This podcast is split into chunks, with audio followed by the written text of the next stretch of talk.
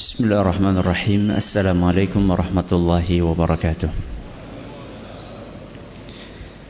الحمد لله رب العالمين وبه نستعين على أمور الدنيا والدين صلى الله على نبينا محمد وعلى آله وصحبه أجمعين أما بعد Kita panjatkan puja dan syukur kehadirat Allah Tabaraka wa Ta'ala Pada kesempatan malam yang berbahagia kali ini kita masih kembali diberi kekuatan, kesehatan, hidayah serta taufik dari Allah Jalla wa Ala Sehingga kita bisa kembali menghadiri pengajian rutin malam Sabtu di Masjid Jenderal Sudirman Purwokerto ini Kita berharap semoga Allah Tabaraka wa Ta'ala berkenan untuk melimpahkan kepada kita semuanya ilmu yang bermanfaat sehingga bisa kita amalkan sebagai bekal untuk menghadap kepada Allah Jalla wa Ala.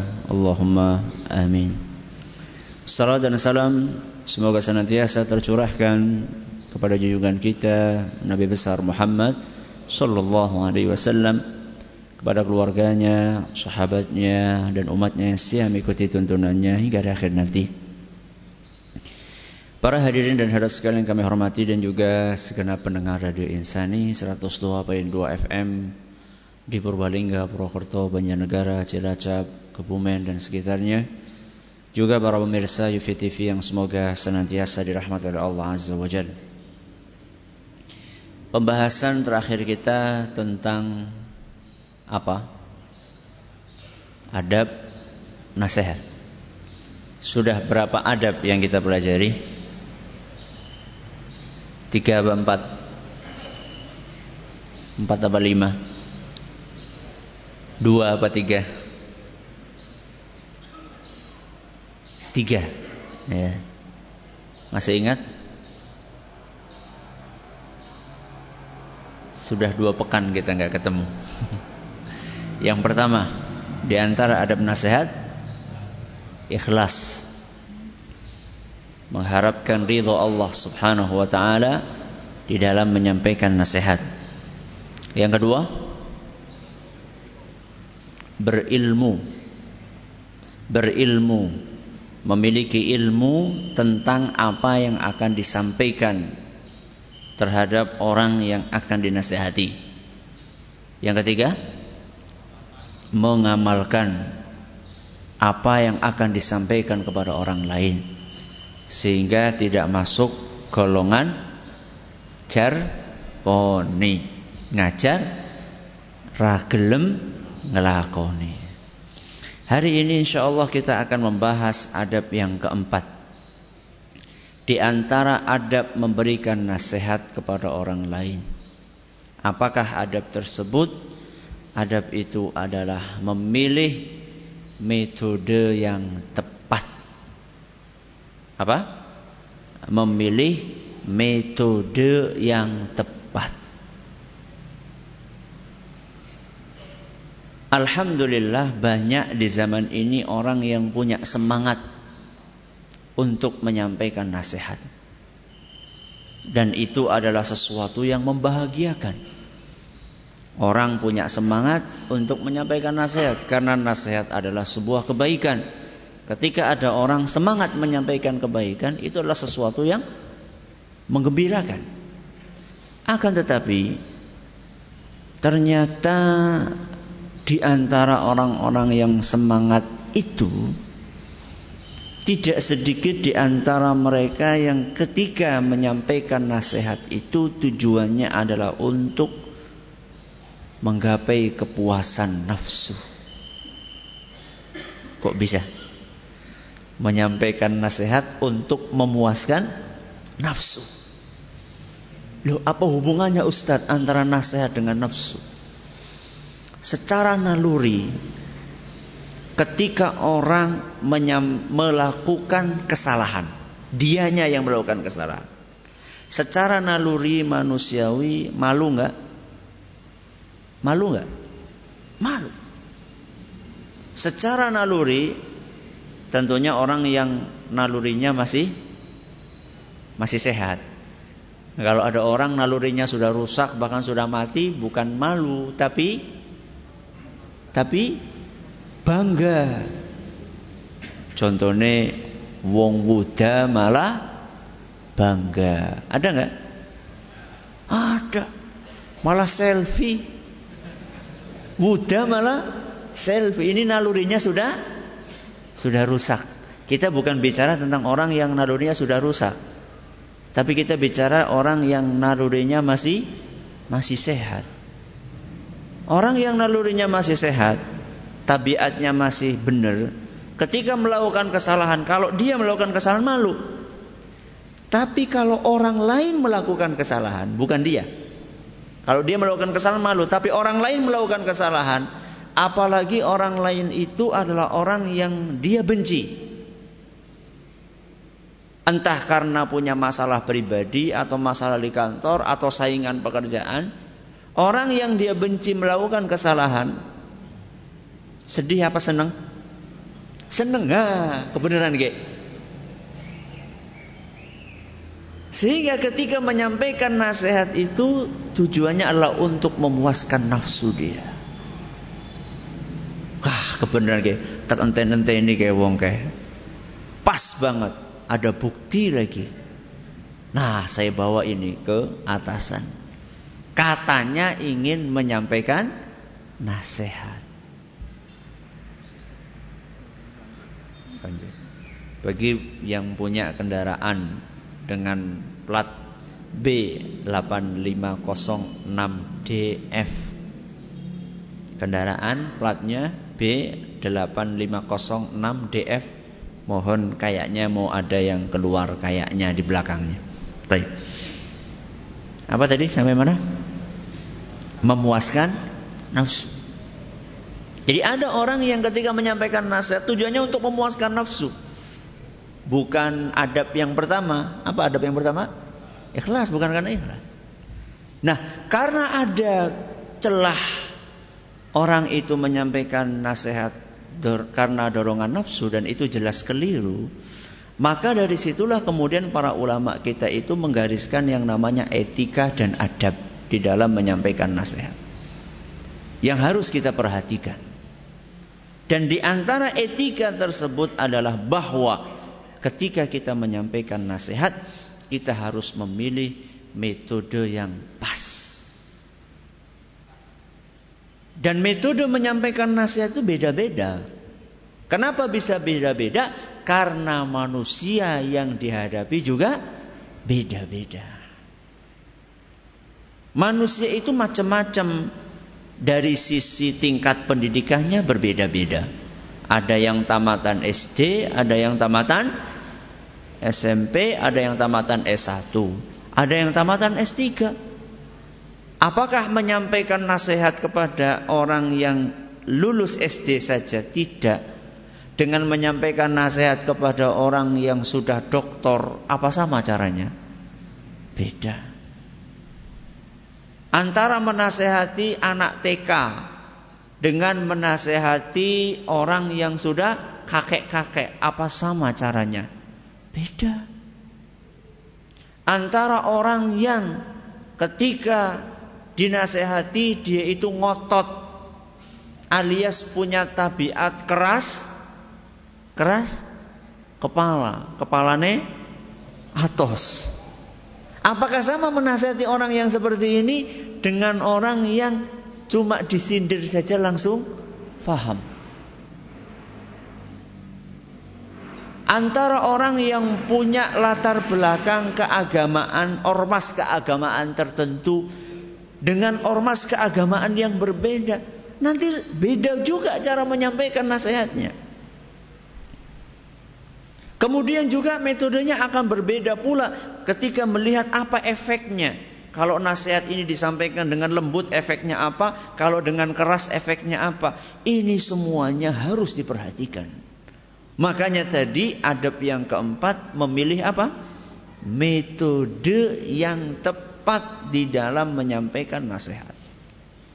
Makanya kalau kita melihat sejarah kehidupan manusia termulia di muka bumi, siapa itu?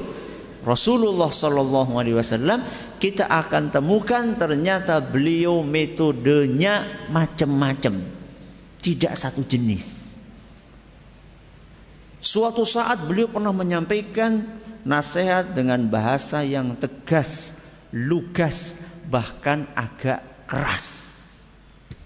Tapi dalam kondisi yang lain beliau pernah menyampaikan nasihat dengan cara yang lembut.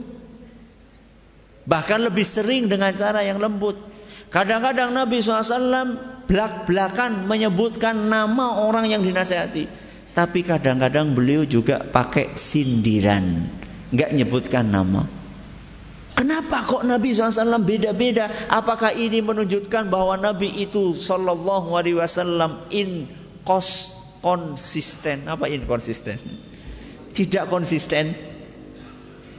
Oh enggak seperti itu. Kalau orang mengatakan Nabi enggak konsisten berarti ini orang enggak paham Nabi SAW.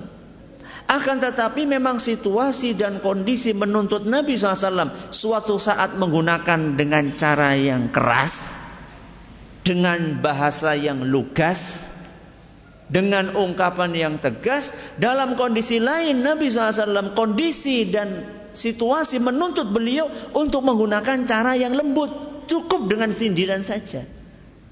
Contoh Ustaz apa ya Ustaz? Nabi pernah menyampaikan dengan bahasa yang lugas. Oh ada.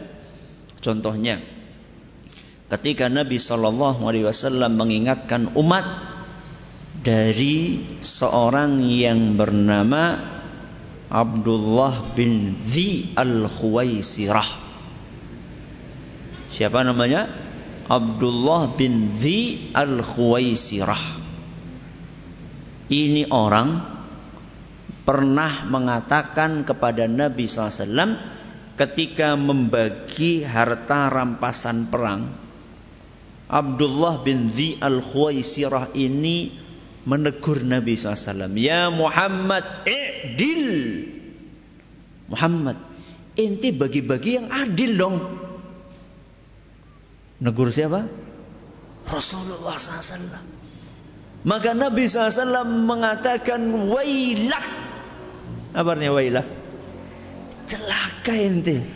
In lam adil faman ya'dil. Kalau aku nggak dianggap adil, lah siapa nanti yang akan dianggap adil? Karena Nabi kita SAW membagi-bagi tadi itu berdasarkan apa? Wahyu dari Allah Subhanahu wa taala. Lah kalau saya nggak dianggap adil, loh nanti siapa yang akan dianggap adil? Dan Abdullah bin Zi al-Khuwaisirah ini adalah nenek moyangnya sebuah sekte yang suka mengkafirkan orang lain. Siapa itu? Orang sekte namanya sekte Khawarij. Nenek moyang, eh kok nenek moyang? Kakek moyangnya. Karena laki-laki ya. Kakek moyangnya ini namanya siapa? Abdullah bin Zi al-Khuwaisirah. Nabi SAW pernah mengingatkan umat dari orang ini. Beliau mengatakan innahu sayakhruju min di'i hadza qaumun yaqra'una al-Qur'ana la yujawizu hanajirahum. Ketahuilah wahai para sahabatku akan muncul dari keturunan orang ini. Ini lugas kan? Langsung ditunjuk orangnya. Akan muncul dari keturunan orang ini orang-orang yang membaca Al-Quran akan tetapi bacaan mereka tidak melewati kerongkongannya. Apa maksudnya? Tidak masuk ke hati. Jadi macane kurneng lisan, pol-pole gutul tenggorokan. Alias nggak paham apa yang dia baca.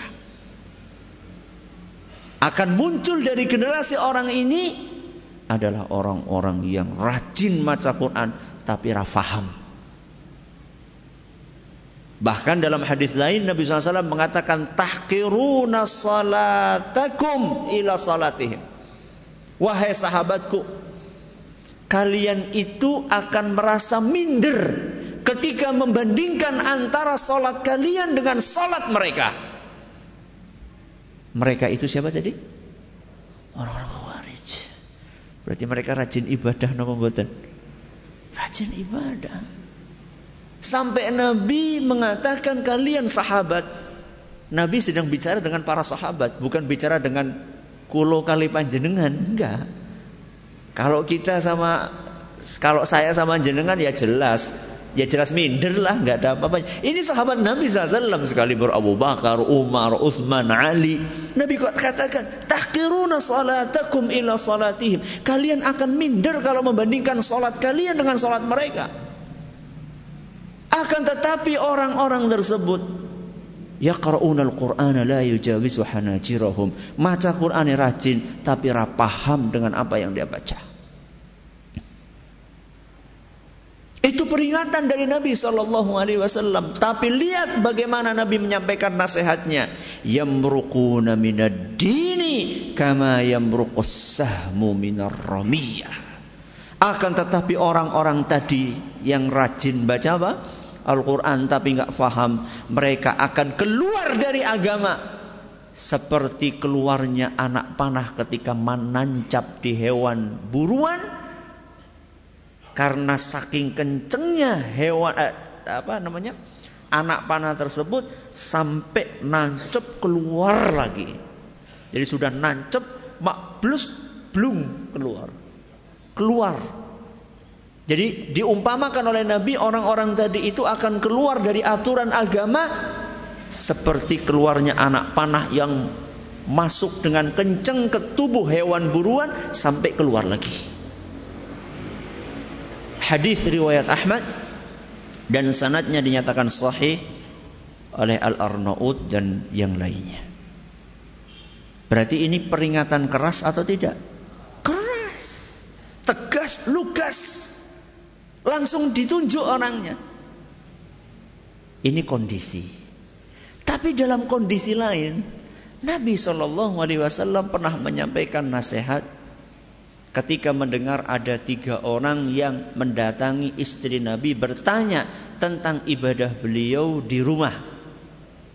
Maka istri Nabi bercerita, ya Nabi SAW waktunya tidur-tidur, waktunya sholat-sholat. Waktunya puasa-puasa, waktunya nggak puasa, nggak puasa.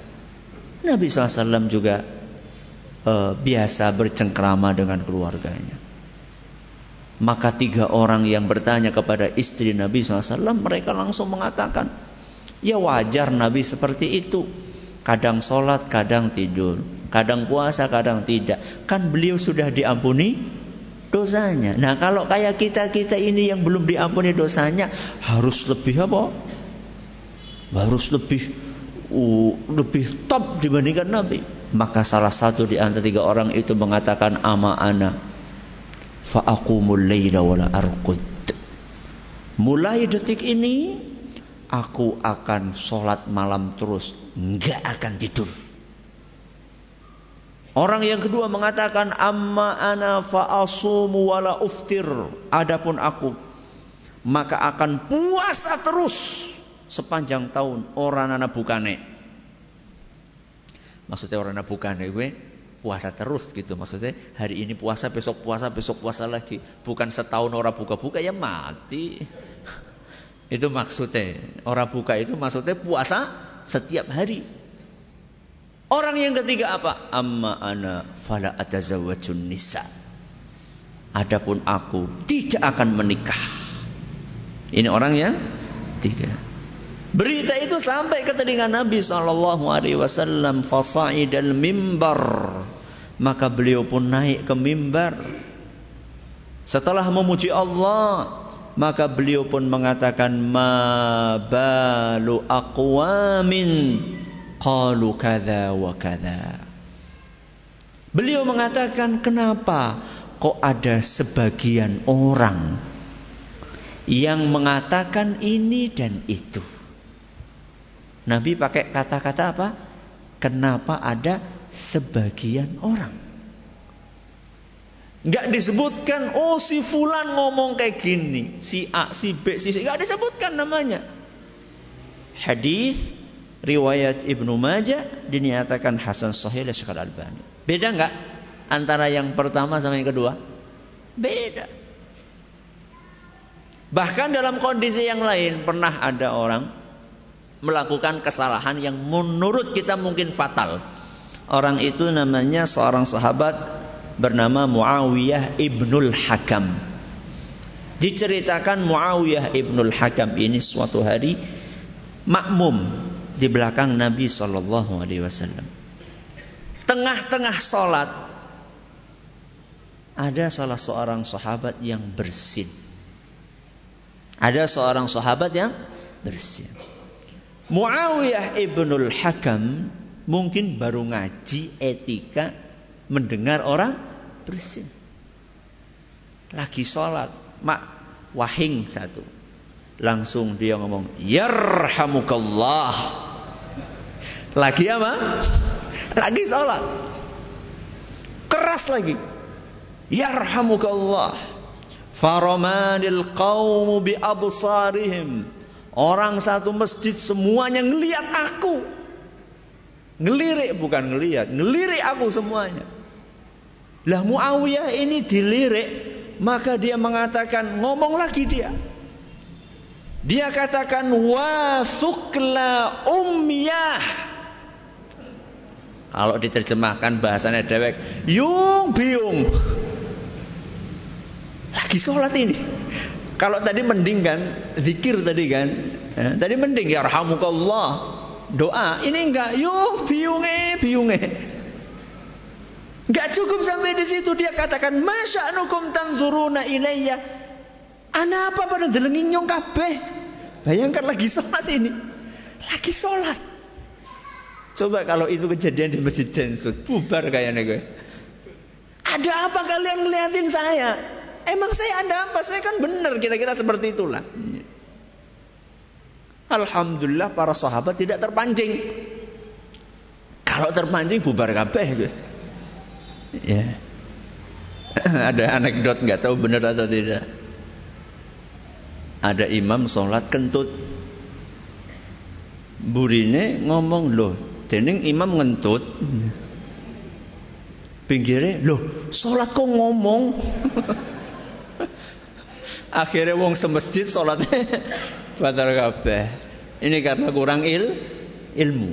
Ya. Nah, ketika uh, Muawiyah ibnul Hakam ini malah membentak orang-orang, kenapa kalian liatin saya? Ya, akhirnya para sahabat mereka memberikan isyarat supaya diam. Jadi para sahabat saat itu pada memukulkan tangannya ke eh, apa namanya paha, ngasih isyarat suruh apa? Diam. Alhamdulillah beliau paham, diam. Selesai sholat, selesai sholat. Nabi dengar nggak kejadian itu? Dengar. Nabi dengar semuanya kejadian. Setelah selesai sholat, apa kata Muawiyah? bi abi wa huwa wa ummi ma ra'aitu mualliman qablahu wala ba'dahu ahsana ta'liman minhu. Aku tidak pernah melihat guru yang lebih baik dibandingkan Rasulullah SAW sebelum dan sesudahnya. Fawallahi demi Allah. Maka harani wala darabani wala syatamani Rasulullah Shallallahu Alaihi Wasallam enggak membentakku, tidak memukulku, tidak mencelaku. Tidak disalahkan, dimarah-marahi, apalagi dipukuli, enggak sama sekali. Kala Nabi cuma bersabda Inna hadhihi salata La yasluhu fiha syai'un min kanamin nas Wahai Muawiyah Sholat itu nggak boleh ngomong. Ketika sholat itu nggak boleh ngomong. Terus apa yang seharusnya dibaca dalam sholat? Innama huwa tasbihu wa takbiru wa qiraatul Quran. Sholat itu hanya diisi dengan tasbih. Apa tasbih? Subhanallah, takbir, Allahu Akbar. Qiraatul Quran, baca Al-Quran. Hadis riwayat Muslim. Jadi ini menunjukkan kepada kita bahwa Rasul Shallallahu Alaihi Wasallam metodenya itu nggak satu di dalam menyampaikan nasihat. Kadang beliau pakai bahasa yang lugas, kadang pakai bahasa yang lembut. Kadang belak-belakan sebut nama, kadang tidak sebut nama. Tergantung apa Ustadz? Tergantung situasi dan kondisi. Ada kondisi-kondisi sindiran itu sudah cukup. Jadi sekedar dikatakan dengan bahasa-bahasa sindiran, ada sebagian orang paham. Ya. Saya ingat sekali dulu bapak bapak kami Allah yarham Ustaz Zaini Muhayyad itu sering pakai bahasa-bahasa kiasan. Ya. Ketika menasihati saya setelah menikah seapik-apike klambi, kue klambine dewek klambine wong seapike kaya ngapa anu udungane dewek. Saat itu saya nggak paham maksudnya apa. Setelah lama-lama oh iya ya maksudnya ke secantik-cantiknya istrinya orang itu tetap tidak cantik karena itu bukan milik kamu. Yang paling cantik itu istrinya kamu karena itu halal buat kamu. Kira-kira seperti itulah bahasa-bahasa apa? Kiasan. Ada sebagian orang dengan kiasan paham. Tapi ada sebagian orang pakai bahasa kiasan orang mudeng-mudeng. Maka perlu dijelaskan secara belak-belakan, bahkan kalau perlu sebut nama. Karena memang dituntut untuk seperti itu. Dan juga kadang-kadang ada orang harus pakai bahasa yang lugas, yang keras. Karena memang tabiatnya seperti itu. Pakai bahasa lembut nggak mempan. Saya punya teman sesama dai, tinggalnya di daerah timur, secara spesifik Kalimantan lah. Yang dia dawe itu orang-orang Dayak. Masuk ke hutan dawe orang-orang Dayak. Di sana itu kalau pakai gaya solo nggak mempan. Gayanya gaya apa? Dayak. Ya. Kalau dipraktekkan di sini bubar tapi kalau gaya yang di sini dipraktekkan di sana, bubar juga. Artinya masing-masing itu ada caranya. Ya. Jadi kadang lembut, kadang keras. Akan tetapi yang harus diingat betul bahwa di dalam dakwah kita itu yang harus dominan, yang harus dominan itu lembutnya apa kerasnya? Lembutnya. Karena itu hukum asalnya dalam berdakwah sebagaimana dijelaskan oleh para ulama kita, Imam Ibnul Wazir dan yang lainnya. Beliau mengatakan yang dominan di dalam Al-Qur'an lemah lembut. Kadang-kadang kasar, jangan dibalik. Ada sebagian orang di zaman itu dibalik. Yang dominan apanya? Kasarnya. Kadang-kadang apa? Lembut. Atau dengan contoh yang lainnya lebih sering uh, merengute dibanding meseme. Dibalik lebih sering meseme dibanding merengute. Ya kadang-kadang kita butuh merengut. Kadang-kadang kita butuh sikap keras kadang-kadang kita butuhkan. Kenapa? Karena memang kondisi menuntut seperti itu sebagaimana Nabi Shallallahu alaihi wasallam menjalankan itu. Akan tetapi ketika sikap keras itu diterapkan, ada syarat-syaratnya. Para ulama kita sudah menjelaskan itu. Imam Ibnul Wazir beliau mengatakan minimal ada empat syarat kalau kita mau pakai sifat keras. Yang pertama, orang itu benar-benar salah. Benar-benar apa? Salah. Karena ada sebagian orang dikiranya salah padahal nggak salah. Karena dianya yang tidak paham saja dikiranya salah padahal sebenarnya tidak tidak salah. Contoh nih ya, contoh. Kadang-kadang ada imam baca bismillah, bismillahnya diapakan? Dikeraskan. Dia pikir salah itu. Itu menyelisih sunnah Nabi. Enggak betul. Ada sunnah Nabi menyebutkan bahwa Nabi kadang-kadang pakai baca bismillah apa? Keras, jahar. Nah dia pikir salah itu disikapi dengan keras. Oh nggak benar, berarti ente nggak paham. Maka harus betul yang pertama syaratnya salah, betul-betul melakukan kesalahan. Cukup hanya itu. Ada yang kedua apa? Yang kedua ungkapannya harus sesuai dengan kondisi real orang yang melakukan kesalahan. Jadi kalau memang dia itu melakukan perbuatan maksiat, ya tidak apa-apa dipanggil ya wahai pelaku maksiat. Kalau enggak, enggak boleh. Memposisikan pelaku dosa kecil dengan dosa besar beda. Memposisikan pelaku pelaku zina dengan pelaku kesyirikan berbeda, levelnya beda-beda. Ini yang kedua, disesuaikan ungkapannya dengan kondisi orang yang ditegur. Yang ketiga kata beliau syaratnya agar kita boleh pakai sikap keras bahwa kita memprediksikan sikap keras ini lebih ngefek dibandingkan kalau pakai sikap lembut. Ya. Jadi kita betul-betul memprediksikan, oh kalau orang ini pakai keras lebih ngefek, kalau lembut enggak, dia itu enggak ngefek.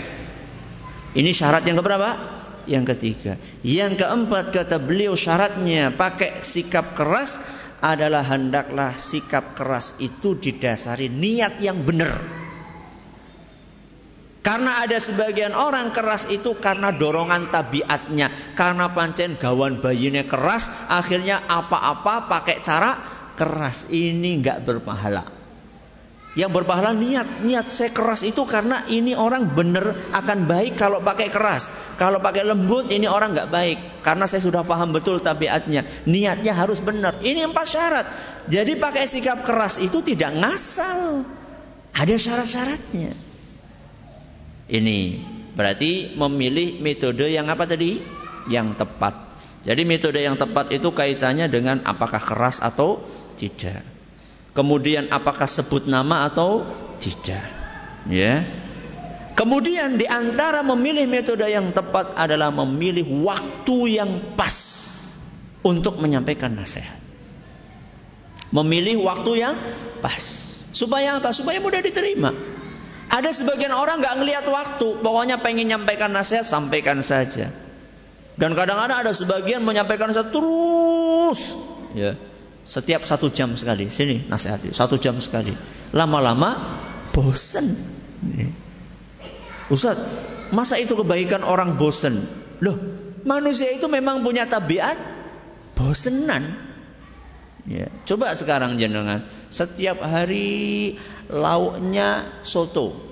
Walaupun panjenengan itu penggemar soto, kalau setiap hari makan pagi soto, makan siang soto, makan malam soto, besok makan pagi soto, makan siang soto. Kira-kira jenengan seneng atau blenger? Blenger. Walaupun itu sebenarnya makanan favorit kita, tabiatnya manusia memang gampang bosen. Nabi paham betul psikologi manusia. Ada hadisnya nggak itu Ustaz? Ada hadisnya. Di dalam hadis riwayat Bukhari dan Muslim. Hadis riwayat Bukhari dan Muslim. Ada seorang namanya Abu Wa'il. Abu Wa'il. Beliau bercerita, "Kana Abdullah yudzakirun nasa fi kulli khamisin." Abdullah ibnu Mas'ud, siapa Abdullah bin Mas'ud? Sahabat Rasul. Sahabat Rasul SAW Abdullah ibnu Mas'ud biasa memberikan siraman rohani kepada kami, kata Abu Wa'il, setiap hari Kemis. Berarti cuma seminggu sekali. Faqala lahu rajulun, ada salah seorang yang memberi masukan kepada Abdullah ibnu Mas'ud. Ya Aba Abdurrahman, lawaditu annaka dzakartana kulla. Kenapa ente enggak ngasih kami nasihat setiap hari saja? Kenapa cuma seminggu sekali? Kami ini lagi haus, kenapa nggak setiap hari saja? Kenapa cuma seminggu sekali? Maka kemudian Ibnu Mas'ud menjawab, Amma innahu yamna'uni min dzalika anni akrahu an umillakum. Tidak ada satu hal pun yang menghalangiku untuk mau memenuhi permintaanmu kecuali karena aku khawatir bok kalian bosan. Padahal yang dinasehati Ibnu Mas'ud adalah generasi tabi'in. Imannya tabi'in sama kita tinggi siapa? Orang apa-apaan. Ustaz itu kan perbuatan Ibnu Mas'ud. Katanya tadi hadis Nabi. Kita akan lanjutkan. Wa inni ukhawwilukum fil mau'izati kama kana Nabi sallallahu alaihi wasallam yatakhawwaluna biha. Aku ini tidak saben hari memberi nasihat kepada kalian karena dahulu Rasulullah Shallallahu Alaihi Wasallam tidak saben hari menasehati kami. Berarti Ibnu Mas'ud nyontoh siapa? Rasulullah SAW. Kenapa Rasulullah SAW nggak setiap hari menasihati sahabatnya? Maka saamati alaina karena beliau khawatir kami itu merasa bosan. Kami itu siapa tadi? Sahabat Nabi. Bayangkan. Hadis riwayat Bukhari dan Muslim. Sekali bersahabat saja bisa bosen apalagi nyong jenengan pada. Makanya perlu kita memilih waktu. Ada waktunya kita menyampaikan nasihat, ada waktunya kita off. Kayak layangan. Kayak apa? Layangan. Kadang di apa? Di apa? Diulur. Kadang ditarik. Ditarik terus suwe-suwe pedot. Diulur terus suwe-suwe hilang layangannya. Berarti kalau kita mau menyampaikan nasihat Ustadz kepada istri, kita ngeliat-ngeliat, iya, lagi muda apa ora? Lagi bombong apa ora? Lo kita sudah tahu dari raut mukanya dia ini lagi nggak bombong, lagi orang mood, dinasehati, ya tambah, tambah orang mood, tambah jengkel. Sama juga istri juga ketika akan menyampaikan nasihat kepada jenengan suami, itu juga perlu ngeliat ini suami saya lagi mood atau tidak? Bayangkan orang pulang kantor lagi panas-panas, kesel-kesel, pengennya langsung ngaso, pengennya uh, ngeteh atau minum jus yang dingin-dingin, langsung diberondong, ya dengan nasihat. Ya. Dan kadang-kadang nggak cuma nasihat, kadang-kadang menceritakan tentang kejadian-kejadian selama ditinggal sama suami. Pak mau ki anak tukang kredit, mau anak ki, aduh mumet banget ki. Terus lagi panas-panas malah tambah ketambahan. Ada saatnya. Nabi SAW memilih waktu. Termasuk juga orang tua menyampaikan nasihat kepada anak juga lihat-lihat juga. Anak itu ketika sedang melakukan kesalahan, anak melakukan kesalahan, atau ketika anak lagi jengkel. Itu psikologisnya lagi labil apa stabil? Labil. Ada istilah yang disampaikan oleh beberapa pakar pendidikan. Anak itu kadang-kadang mengalami sesuatu yang diistilahkan dengan badai emosi. Badai apa? Emosi. Itu ketika anak lagi ngamuk. Pernah nggak putaran jenengan seperti itu? Pernah? Oh, pada berarti.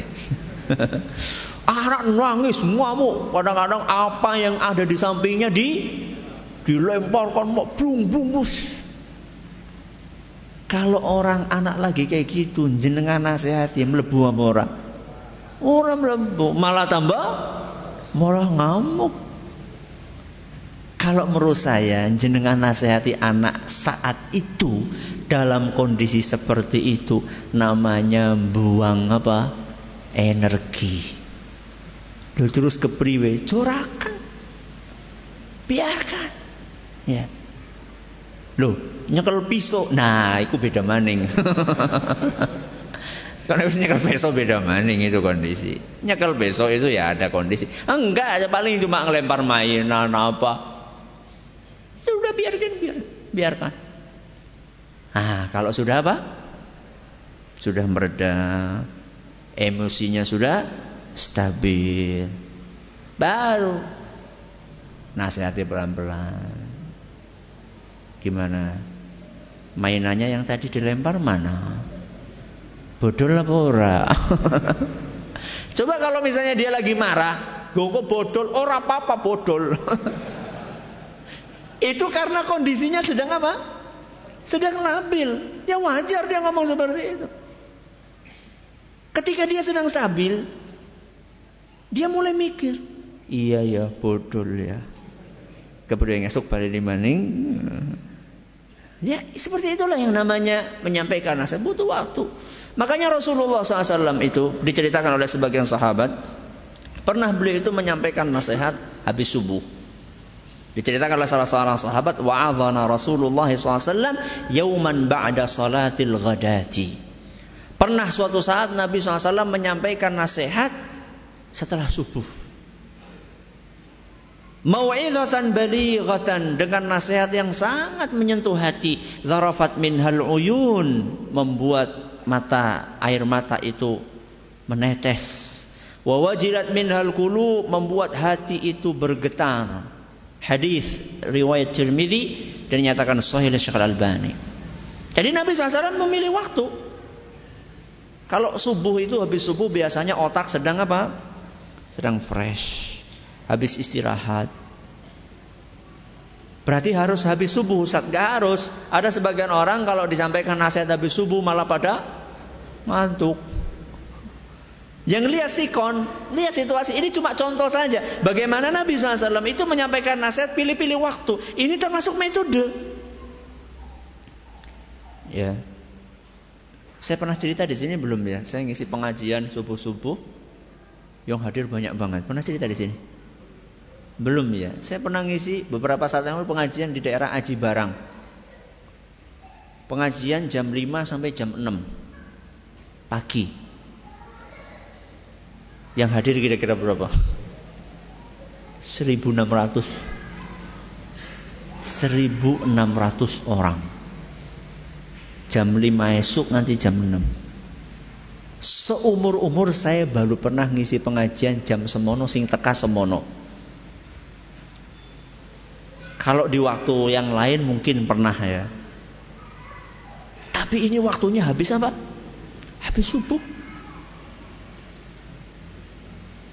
Kalau di masjid-masjid pengajian habis subuh rata-rata yang hadir berapa? Cekot? Oh, masya Allah. Dan itu bukan karena saya yang ngisi, enggak. Itu karena memang rutin pengajian di situ. Kalau jam segitu, pekanan setiap ahad, itu yang hadir segitu. Memang segitu. Siapa yang ngisi ya segitu. Bukan karena saya yang ngisi, bukan. Jadi ada sebagian kondisi, sebagian daerah memang cocoknya waktunya seperti itu. Apa kira-kira mau dipaksakan? Oh pokoknya ngasuk nyoneng musola ku Arab pengajian jam semono orang sing teka. Ada sebagian orang memang kondisinya seperti itu, maka kita harus jeli memilih waktu ini termasuk memilih metode. Jadi sebenarnya subhanallah ketika kita akan menyampaikan nasihat itu kalau perlu kita itu membuat semacam apa ya? Semacam strategi. Ya. Abu Bakar juga sama. Ketika akan menyampaikan nasihat, beliau memikir strategi kira-kira bahasanya gimana, waktunya kapan, caranya apa, didahului dengan apa, apakah perlu didahului dengan hadiah terlebih dahulu atau tidak. Istilahnya apakah perlu tebar pesona sebelumnya atau tidak. Ya. Ini perlu dipikirkan. Jadi ketika menyampaikan nasihat itu bukan sekedar sholat. Orang sholat lebu neraka. Wis ya, nyongus ngomong nasihat, bok. Bukan seperti itu. Nasihat itu ada bahasa yang harus dipilih, ada waktu yang harus ditetapkan, ada cara yang harus diperhatikan. Efek yang akan ditimbulkan bagaimana? Apakah justru setelah dinasehati efeknya semakin parah, dampaknya semakin buruk atau tidak, atau malah dampaknya akan lebih baik? Itu semuanya harus dipertimbangkan. Kalau masalah efek atau dampak itu kan paling cuma berdasarkan perkiraan. Karena itu kan kejadian apa? Yang akan sesuatu yang belum terjadi. Jadi kita hanya pakai istilah fikihnya itu Hollywood E, perkiraan yang terkuatnya. Kayak tadi keras atau lembut. Lihat efeknya. Lo efeknya kita nggak tahu. Ya pakai perkiraan. Ya pakai feeling kira-kira orang ini cocoknya pakai apa ya?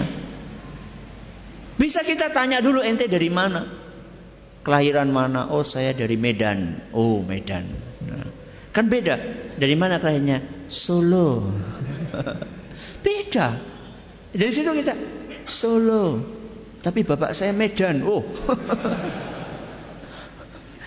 itu perlu kita tanya. Makanya orang mau kasih nasihat itu tanya dulu ya. Makanya biasanya Alhamdulillahirrahmanirrahim Assalatu wassalamu ala nabiyina Muhammadin Wa ala alihi wa sahbihi ajma'in wa Saya mana tadi? Oh biasanya ya. Makanya biasanya saya itu kalau ketemu sama orang entah ketemu di bis, ketemu di kereta atau ketemu di jalan atau ada orang bertamu ke rumah dan saya belum kenal lebih banyak menjadi pendengar sebelum menjadi pembicara. Jadi kita ini menggali dulu. Jangan kita digali dulu. Pahami orang sebelum dia memahami kita. Supaya apa? Supaya apa yang akan kita sampaikan pas. Kita sudah panjang lebar, misalnya nih, bicara lebar tentang sholat, tentang puasa, ketemu sama orang di oh, apa namanya di kereta. Tahu-tahu setelah kita mulut berbusa-busa saking lamanya bicara tentang sholat ternyata maaf pak saya Nasrani. Itu kan nggak lucu. Mungkin nggak? Mungkin sekali um kita nggak kenal sebelumnya sama sekali. Sangat mungkin. Makanya ngobrol ngobrol dulu gitu loh latar belakangnya apa ya kita sudah bicara panjang lebar misalnya ya tentang komputer tentang macam-macam tentang teknologi. Ternyata Nuhun Sewu dia maaf mungkin cuma petani. Nggak nyambung kan. Makanya inilah pentingnya kita memahami karakter orang yang sedang kita hadapi. Ada pertanyaan?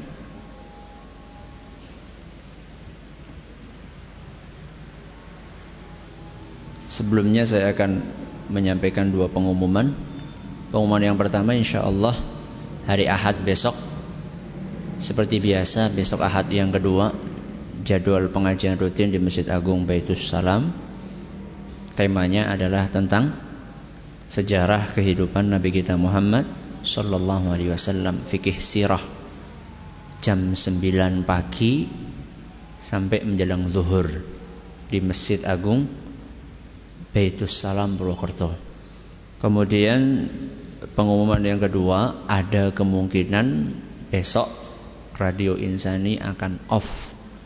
Ya, radio insani akan off karena akan ada pergantian eh, ante apa? Antena, ya antena. Ya, akan diganti antena yang baru. Harapannya bisa lebih lebih jernih, bisa lebih jangkauannya lebih luas lagi. Ya alhamdulillah sekarang sudah agak luas tapi pengennya lebih luas lagi. Ada di beberapa daerah katanya kemersek. Ya. Ada di beberapa daerah timbul tenggelam, kadang kedengaran, kadang tidak. Ya mohon dimaklumi. Ada upaya ini. Besok insya Allah kalau tidak ada halangan akan ada uh, perbaikan maintenance.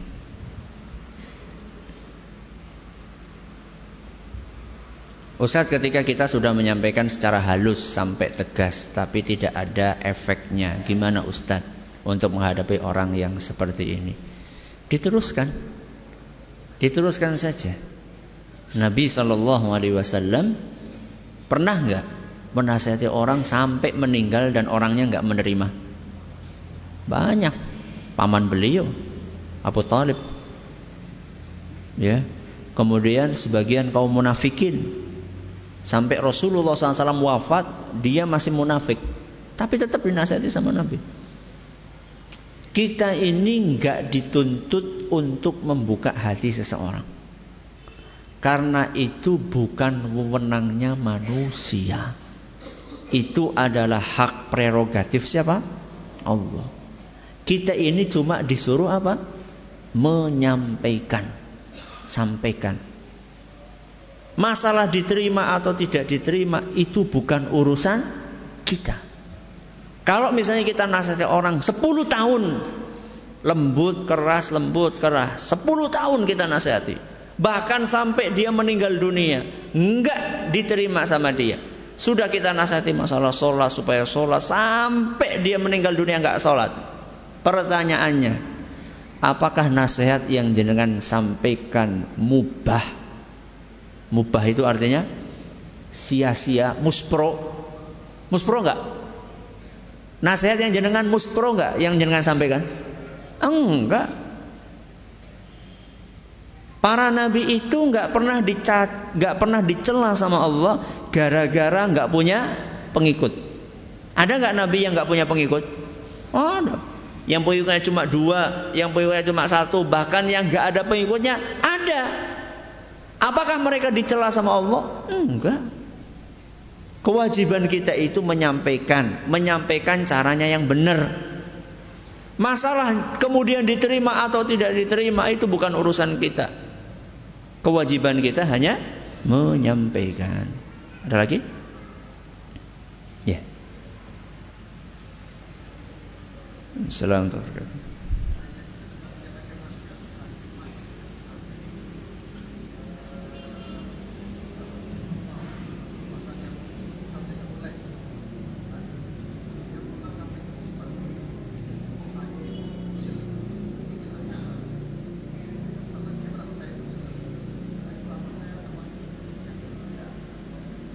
Ya.